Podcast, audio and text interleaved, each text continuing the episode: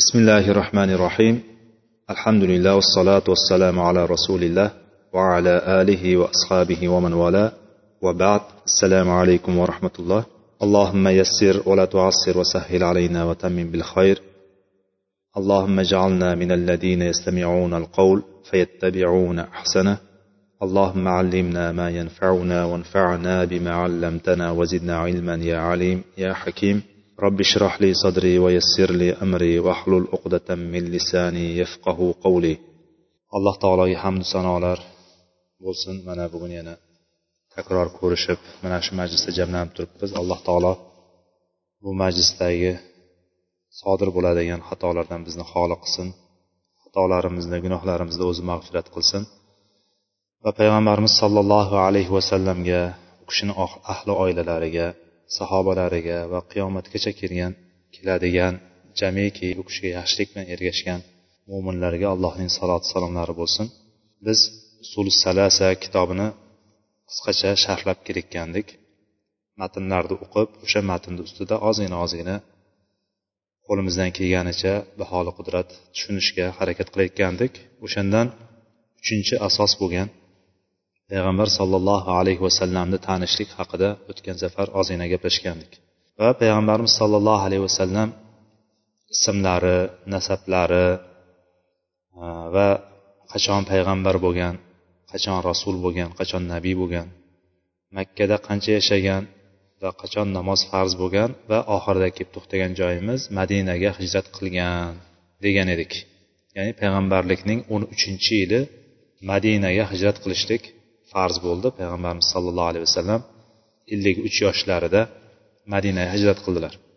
Alloh taoloning buyrug'i bilan va muallif shu o'rinda shu joyga kelganda hijrat mavzusiga kirishga keldi. Chunki payg'ambarimiz sollallohu alayhi vasallam hijrat qildilar makkadan madinaga hijrat qildilar degandan keyin endi juda o'rinliki hijrat nima ekanligini tushunishdik. Shuning uchun hali payg'ambarimiz sollallohu alayhi vasallamni siyratlarini u kishini tanishlik qaysi darajada bo'lishligiga mukammal gapirmasdan turib orasida hijratga kelib qolgan joyda hijratni tushuntirishga kirib ketdi. Aytdiki al val hijratu al intiqolu min badadi shirk ila badalil islam. Hijrat shunday bir narsaki shirk diyoridan kufr diyoridan islom diyoriga islom o'lkasiga ko'chib o'tishlik dedi. Ya'ni hamma narsani tashlab tug'ilib o'sgan kindik qoni to'kilgan vatanini tashlab ketishligini birdan bir sababi din uchun bo'lyapti. Dini bo'lyapti uni olib ketishligi kerak bo'lgan. Dini bo'lyapti o'sha yerdagi islomni musulmonchilikni qila oladigan bir o'lkaga ko'chib boryapti. U o'lkani sharti nima bo'lyapti? Islom diyori bo'lishligi kerak ekan. Haqiqiy hijrat mana shu bo'ladi. Shirk diyoridan kufr diyoridan musulmon diyoriga ko'chib borishlik. Endi hozirgi kunda biroz farqli holatlar bor.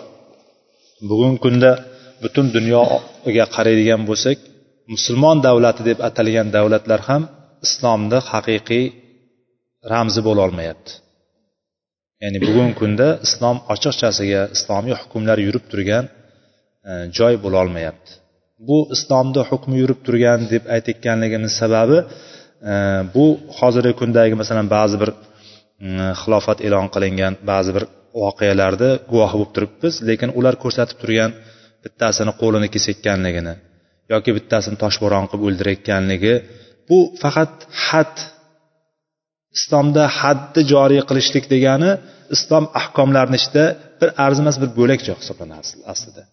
Buni aytyaptiki mana biz shariatni hukm qilyapmiz shariatni joriy qilyapmiz deyapti. Bu aslida hadlar hadlar. Islom shariatiga bunday olib qaraydigan bo'lsa hadlar butun shariatni gavdalantira olmaydi u narsa. Faqat had bo'limini ko'rsata oladi bizga. Vaholanki shariat bir butun narsa. Ya'ni bu bilan biz shu oddiy musulmonlar bunday qarayapmizki ha bu yerda qo'l kesilyapti ekan boyagi zino qilib qo'ysa toshbo'ron qilinyapti ekan o'g'irlik qilib qo'ysa qo'y kesilyapti ekan. Shunga o'xshagan islomda had bo'lgan joylarni ko'rsatyaptiki masalan ichkilik ichadigan bo'lsa darrov uryapti ekan. Sigaret ichtirishga hech kimga ruxsat yo'q ekan sigaret chekishiga. Degan narsalar hadni islomiy o'lka deb ko'rsatyapti. Bu asli unday emas faqat had bilan islom qoyim bo'lib qolmaydi. Bitta had bu o'zini bir qismi bu. Qozilik bajaradigan islom qozisi bo'ladigan bo'lsa o'sha bajaradigan bir narsa aslida. Mana shu tarafini e, men aytmoqchi bo'lganim hozir masalan islom davlati deb ataladigan islom o'lkasi deb ataladigan masalan hozir sanab chiqadigan bo'lsa musulmon davlatlarni o'zbekiston qozog'iston tojikiston qirg'iziston hammasi musulmon davlat hisoblanadi. Turkiya deymizmi bunisi afg'oniston deymizmi hammasi musulmon davlat hisoblanadi. Endi buyog'i saudiyayu yamanu suriyayu iroqni gapirmasak ham bo'laveradi. O'rta osiyo davlatlari hammasi musulmon davlat hisoblanadi. Nimaga e'tiboran? U yerdagi musulmonlarni ko'p yashayotganligiga nisbatan. Vaholanki islom shariati joriy qilinmagan islom hukmlari bilan hukm qilinmagan joy islom davlati asli sanalmaydi. Musulmon davlat hisoblanmaydi. Musulmon davlatini boshi bo'ladi. Xuddi masalan har bitta davlatni tepasida prezident bormi? To'g'rimi? Prezidenti bor yoki bir o'zini bosh vaziri bor boshqaradigan yoki qiroli bor yoki qirolichasi bor. To'g'rimi? Xuddi shunday musulmon davlati ham boshi bo'lganda ana o'sha islom bo'ladi. O'sha davlat islom davlati bo'ladi. Payg'ambar sollallohu alayhi vasallamni hijratlarini olib qaraydigan bo'lsak hali islom davlati qurilmagan paytda hijrat qilishga buyurildi. Hijrat hali islom davlati qurilmaganda payg'ambar sollallohu alayhi vasallam madinaga hijrat qilishlikka buyurilganda. Lekin makkadagi asosiy musulmon bo'lgan insonlarga hijrat qilishlikni aytilgandan keyin payg'ambar sollallohu alayhi vasallam umumiy qilib aytganimizda oxirgilardan ya'ni sahobalar chiqib ketib bo'lgandan keyin aksar sahobalar chiqib bo'lgandan keyin hijrat qildilar. Abu bakr roziyallohu anhu ham bir necha bor kelib turib menga men ham hijrat qilmoqchiman degan e, payg'ambarimizdan izn so'rab turib men ham hijrat qilmoqchiman deganda to'xtang hali siz keyinroq chiqasiz siz boshqa birisi bilan chiqasiz deganda u kishi ichidan umid qilib yuradiki men rasululloh bilan chiqaman ekan deb turib. Bundan ko'rinadiki sahobalarni aksariyati chiqib bo'lgandi tarixga qaraydigan siyratga qaraydigan bo'lsak chiqib bo'lgandir va payg'ambarimizga keyin ruxsat keldi chiqishlikka. Hammasi yig'ilib payg'ambarimizni suiqasd qilamiz o'sha kecha o'ldiramiz deb turib bir har bitta qabiladan odamlarni to'plab yigitlarni bir kishini hammasi baravar o'ldirsa xunini talab qilolmay qoladi. Degan narsalarni o'ylab topib shayton boshchiligida abu jahl boshchiligida bu narsalar tashkil qilinganda o'sha kecha hijrat qilishlikka o'sha kecha chiqib ketishlikka payg'ambarimizga amr bo'lgandi. Lekin hali madinada islom davlati emas edi. Bu tarafiga urg'u bermoqchiman. Payg'ambarimiz sollallohu alayhi vasallam kelib turib islom davlatini o'rnatdilar u yerda. Tushunarli bo'ldi? Endi hozirgi kunda qanday tushunamiz? Masalan bir joyda torlik bo'lib qoldi dunyo tor bo'lib qoldi. Ibodatini qila olmaydi. Ayollar hijobini o'rolmaydi bemalol ibodatlarini qilolmagan yetmaganday ibodat qiladigan bo'lsa uni ustidan zulmlar yog'sa har xil bo'xtonlar tuhmatlar yog'sa qamasa o'ldirsa yoki shu ayollarni nomuslariga tajovuz etsa ro'mollarini yechishsa mana bu kunlarda mana bu holatlarda nima qiladi desa mana bu holatlarda o'shalarga xos hijrat vojib bo'ladi hijrat farz bo'ladi va hijrat qayerga qilinadi degan ikkinchi savol turadi keyin modomiki islom davlati degan bir davlat hozirgi kunda islom diyori deb bilganimiz bir islomni butun hukmlarini ushlab turgan bir davlatni bilmaymizmikan? Qayerga borsa islomini yashay oladi. Qayerga borsa musulmonchiligini qila oladi. Masjidga xotirjam borib ibodatini qila oladi. Birov unga indamaydi. Xohlasa erkaklar soqolini qo'yib yura oladi bemalol. Ayollar bemalol hijoblarda yura oladi. Hijoblarida maktablarga bora oladi. Ta'limini ola oladi ishlay oladi. O'shandaqa bir joyga hijrat qiladi. Tushunarlimi o'shanaqa joyga hijrat qilishligi vojib bo'ladi. Mana bu narsa hozir e, shirk diyoridan islom diyoriga hijrat qilishlik umumiy nimasi ekan? Hijratni ma'nosi ekan. Lug'aviy ma'nosi bir joy bir narsani tark qilishlik.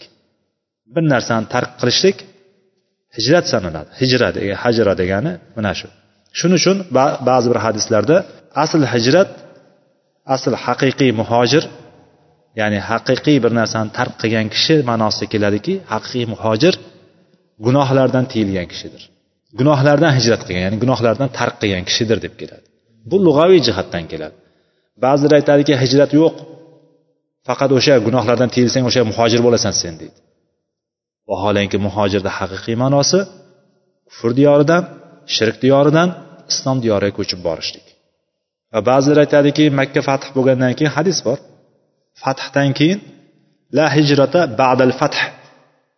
Kama qola sallallohu alayhi vasallam aytadilarki payg'ambarimiz sallallohu alayhi vasallam hijratdan keyin fathdan keyin ya'ni makka fathidan keyin fath degandan murod al bilan kelishligi aniqlik bilan kelishligi bu makkani qasd qilinyapti. Bo'lmasa fath futuhotlar ko'p bo'lgan. O'zbekiston ham fath qilingan. Mavron nahr fath qilingan. Turkiya fath qilingan. Ya'ni e, keyindan hammasi fath qilingan joylar hammasi fath hisoblanadi. Lekin al fath kalimasi kelishligi bu makkaning fathi tushuniladi bunda. Birda bir yuzda yuz hech ham ikkilanmasdan al fath deb keladigan bo'lsa fath deganda makka fath tushunadi makka fathidan keyin hijrat yo'qdir degan sahih hadis bor. Ba'zilar shuni aytadiki hijrat yo'q deydi. Vaholanki u yerda qasd qilingan narsa valakinda niya bor u yerda niyat bor deydi. O'shandagi qasddan hijrat qilinmaydi degandan hijrat yo'qdir degandan murod makkadan hijrat qilinmaydi. Chunki bundan ko'rinadiki makkani qiyomatgacha islomda turishligini islom diyori bo'lib turishligiga mana shu hujjat bo'ladi deydi. Erta kufr g'alaba qozonmaydi qiyomatgacha. Chunki payg'ambarimiz fathdan keyin hijrat yo'qdir dedi. Agar hijrat bo'lishi mumkin. U yerda ham e, shu ma'lum paytdan keyin hijrat bo'lib qoladi lekin hozir yo'q deganda edi. Ma'lum paytdan keyin makka haram bo'lgasi haram mintaqasi nima bo'lishligi kerak edi? Haram mintaqasi kufr diyoriga aylanishligi kerak bo'lardiki yana farz bo'lib qolardi chiqishlik tushunarlimi? Mana shu holat. Lekin u yerdan ham hijrat qilish mumkinmi? Yerda ham agar dinni yasha olmaydigan holatga olib kelib qo'ysa gapini aytolmaydigan holatga olib kelib qo'yadigan bo'lsa hur fikr dinni ochiq tabliq qilolmaydigan da'vat qilolmaydigan o'ringa olib kelib qo'yadigan bo'lsa u yerdan ham chiqishga to'g'ri kelib qoladi. Mana shu istisnosi bo'ladi. U yerdan chiqilinadi lekin ommatan hammani hijrat qilishligi yo'q. Makkadan yo'q. Xos kelishligi mumkin makkadan mana shu narsa hijrat. Shuning uchun vahjuruhunna fil madoji'i deb keladi oyatda. Vahjur vahjuruhunna ularni er xotin o'rtasida bo'ladigan munosabatlarda er xotinni xotiniga tarbiya berishlik odob berishlik maqsadida to'shaklarda alohida bo'lishlikni ham hajr kalimasidan aytilgan. Bu ham hijrat hisoblanadi. Ya'ni bu hijrat degan tark qilishlik ma'nosidagi lug'aviy ma'nosini keltiryapman men. Birinchi mauiza qilinadi unga pand nasihat beriladi tushuntiriladi gapiriladi gap kor qilmagandan keyin gap ta'sir qilmagandan keyin keyin yotoqlarda uzoqlashadi. Yotoqlarda uzoqlashgan deganda vahjuruhunna fil madoji'i yotoqlarda ular bilan nima qilinadi? Ajralishadi. Yotoqlarda ya'ni erkak teskari qarab yotadi. Ko'rpasini sal uzoq qo'yib turib teskari qarab yotadi. Yotoqlardagina uzoqlashing degani ayni xonada bir chekkada yotadi. Alohida degan. Bu narsa boshqa xonaga chiqib yotgandan ko'ra unga qattiqroq ta'sir qiladi.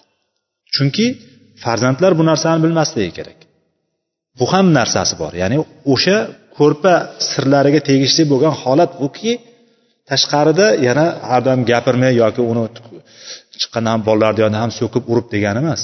Bolalarni yonida tarbiyasi bolalar tarbiyasiga ta'sir qilmasligi uchun mana yigitlar hali ertaga bola chaqali bo'lganda mana shu narsalarni e'tiborini olishlik kerak. Islom mana shunaqa mukammal dinki farzandlari tarbiyasiga ta'sir qilmasligi uchun bizni tarbiya beryaptiki birinchi pand nasihat qilamiz ayolimiz biroz e, tarbiya bermoq berishlik maqsadida e, dinga da'vat qilishlik maqsadida yoki boshqa har xil e, sabablarga ko'ra ana o'shanda ko'nmaydigan bo'lsa yotoqlar ajratiladi ana undan keyingina urushga ruxsat bor unda ham unda ham ko'kartirmaydigan sindirmaydigan qonatmaydigan qilib uriladi.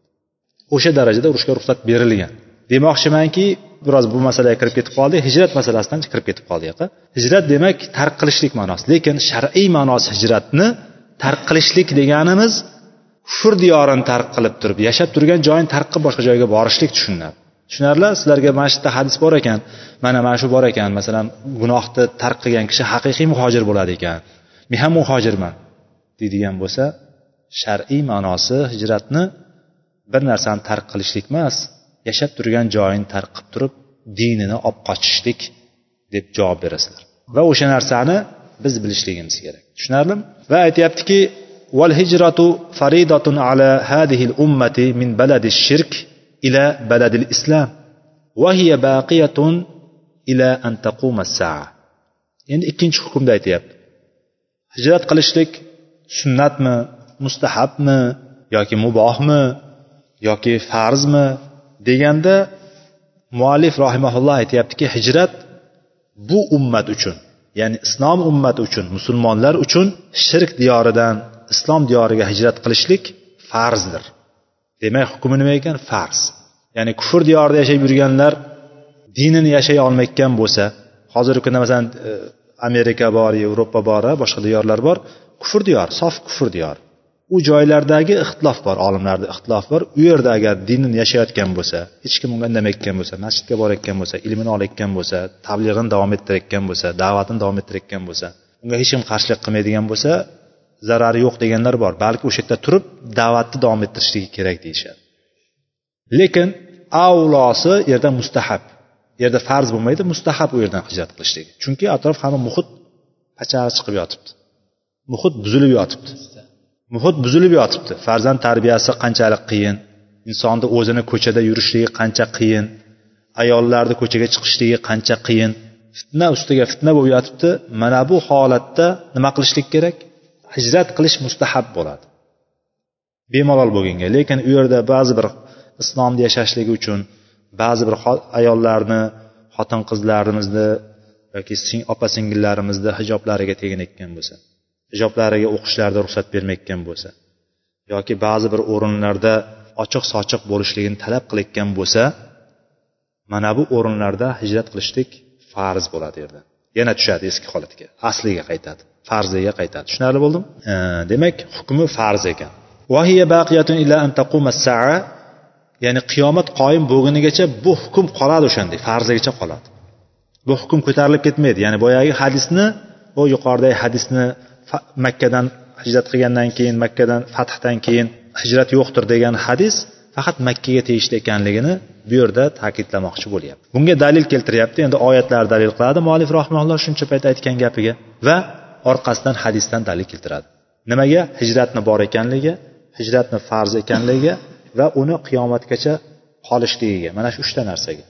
Hijratni ma'nosi hijratni farzligi va hijratni qiyomatgacha davom etishligiga dalil alloh taolo niso surasida shunday dediki innalladina tavaffahumul malaikatu zolimi anfusihim qalu fima kuntum قالوا كنا مستضعفين في الأرض قالوا ألم تكن أرض الله واسعة فتهاجروا فيها فأولئك مأواهم جهنم وساءت مصيرا إلا المستضعفين من الرجال والنساء والولدان لا يستطيعون حيلة ولا يهتدون سبيلا mana shu oyat keldi faulaika asallohu ay yafu anhum va kanallohu afuvan g'afuro bu oyat davom ekan farishtalar albatta farishtalar jonimizni oladi hech kim qolmaydi tirik jonzot qolmaydi tirik jon yashayapti degan jon bor ekan ollohdan boshqa hammani joni olinadi hech kim qolmaydi. Yashayapti yashayapti degan nomi bor ekan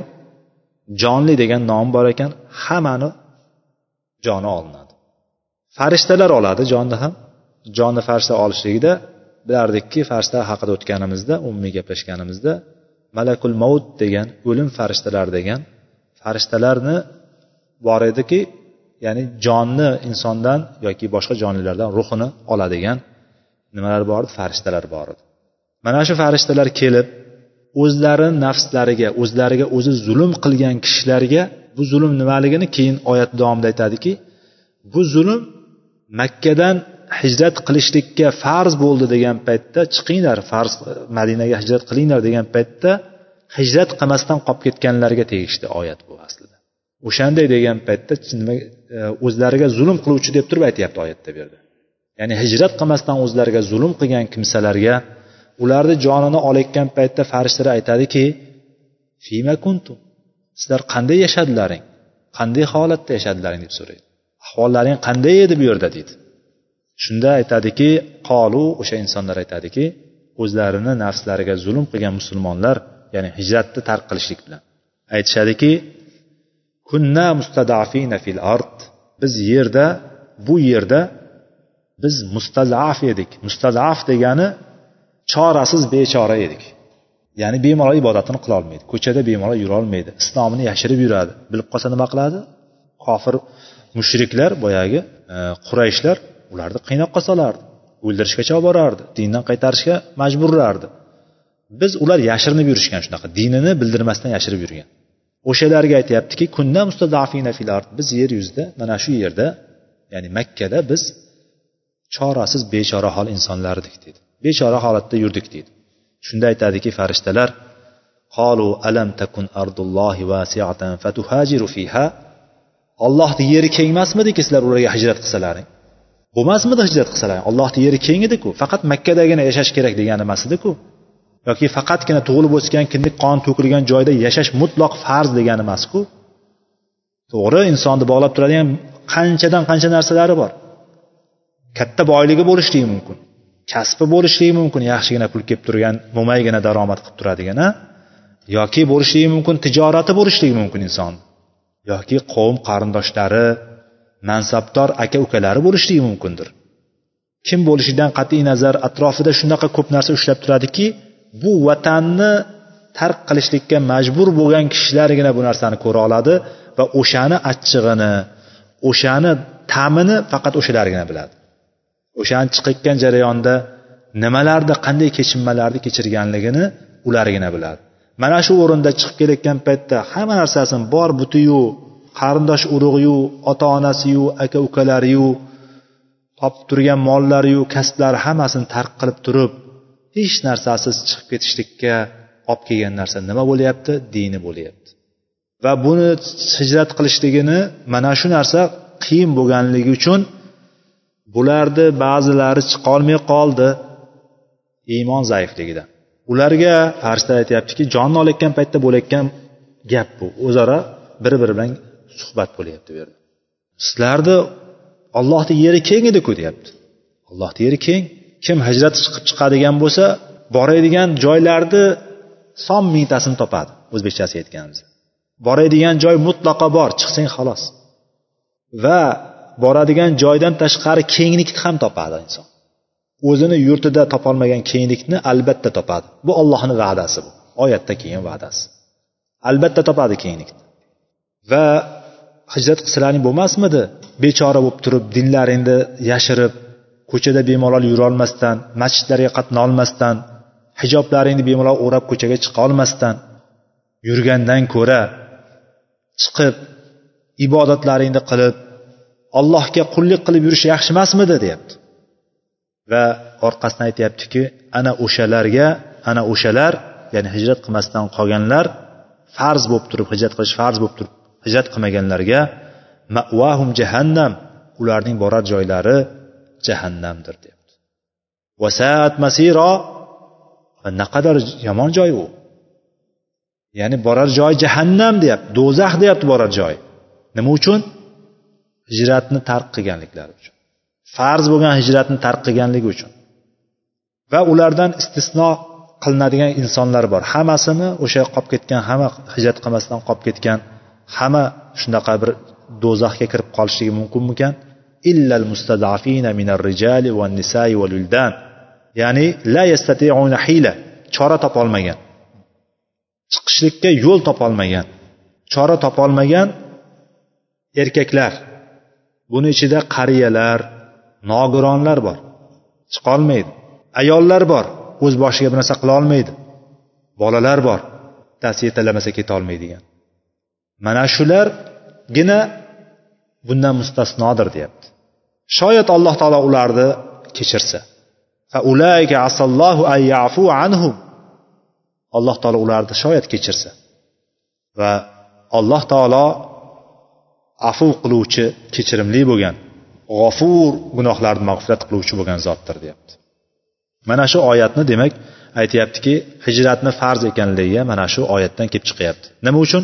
Bu yerda hijrat qilmaganlarga tahdid do'zax bo'lyapti. Shu jihatidan farz bo'lyapti.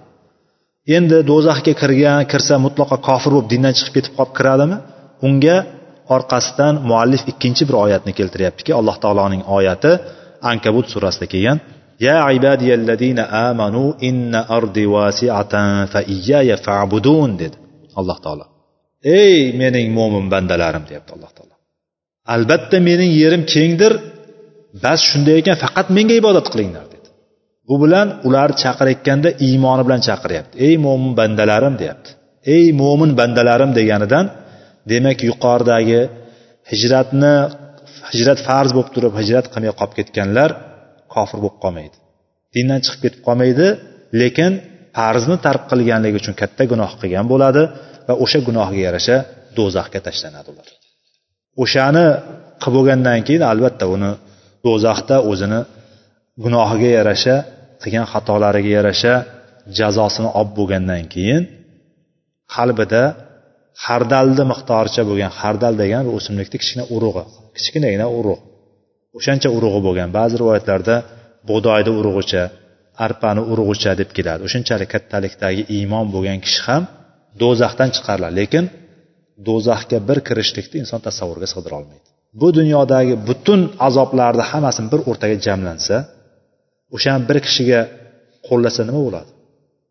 Butun azoblarni hamma turini yig'inglarda o'rtaga azob uqubatlarni bir kishiga qo'llab ko'ringlar. U inson o'sha zahoti o'ladi va uni ko'tarishlikka o'shanda chekkan qancha azob bo'ladi to'g'rimi? Lekin jahannamga bir shunday botirib olishligi undan ming chandon qiyin bo'ladi. Chunki shu dunyoda shuncha eng ko'p azob ko'rgan kishini jannatga shunday bir botirib shunday sho'ng'itib olgan paytda hammasi miyasidagi shu paytgacha olgan hamma azoblari bitta qolmay hammasi uchib ketadi. Nol bo'lib qoladi.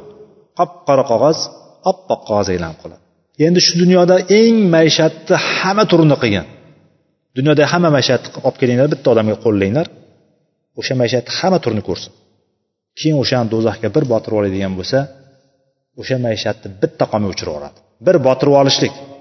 Endi u yerda qolib turib azobni ko'rishlikni inson aqliga sig'dira olmaydi. Do'zaxdagi eng yengil azob oyog'iga bir cho'x kiydiriladi. Cho'g' qo'yiladi oyog'ini ostiga bir cho'g' qo'yiladi. O'sha cho'g'ni issig'idan miyasi qaynab turadi deydi o'shandan miyasi qaynab turadi deydi bu eng yengil azoblardan bittasi. Endi qolganlarini gapirmasam bo'laveradi. Alloh hammamizni jahannam azobidan saqlasin. Qolil bag'oviy rahimaulloh e, ya'ni bizni muallif rahimaulloh aytyaptiki bag'oviy rahimaulloh ayt. Bag'oviy imom bag'oviy bu qur'onga tafsir yozgan olimlardan qur'onning sababi nuzuli ya'ni oyatlarni nima sababdan tushganligini haqida yozgan kitoblari bor uni mashhur. Shu kishi aytgan ekanlarki sababu nuzuli hadihil aya fil muslimin alladina bi makka lam yuhajiru. Nadahumullohu bismil iman. Mana bu oyat makkada hijrat qilmasdan qolib ketgan musulmonlar haqida nozil bo'lgan edi. Alloh taolo o'shalarga iymon ismi bilan nido qildi deyapti.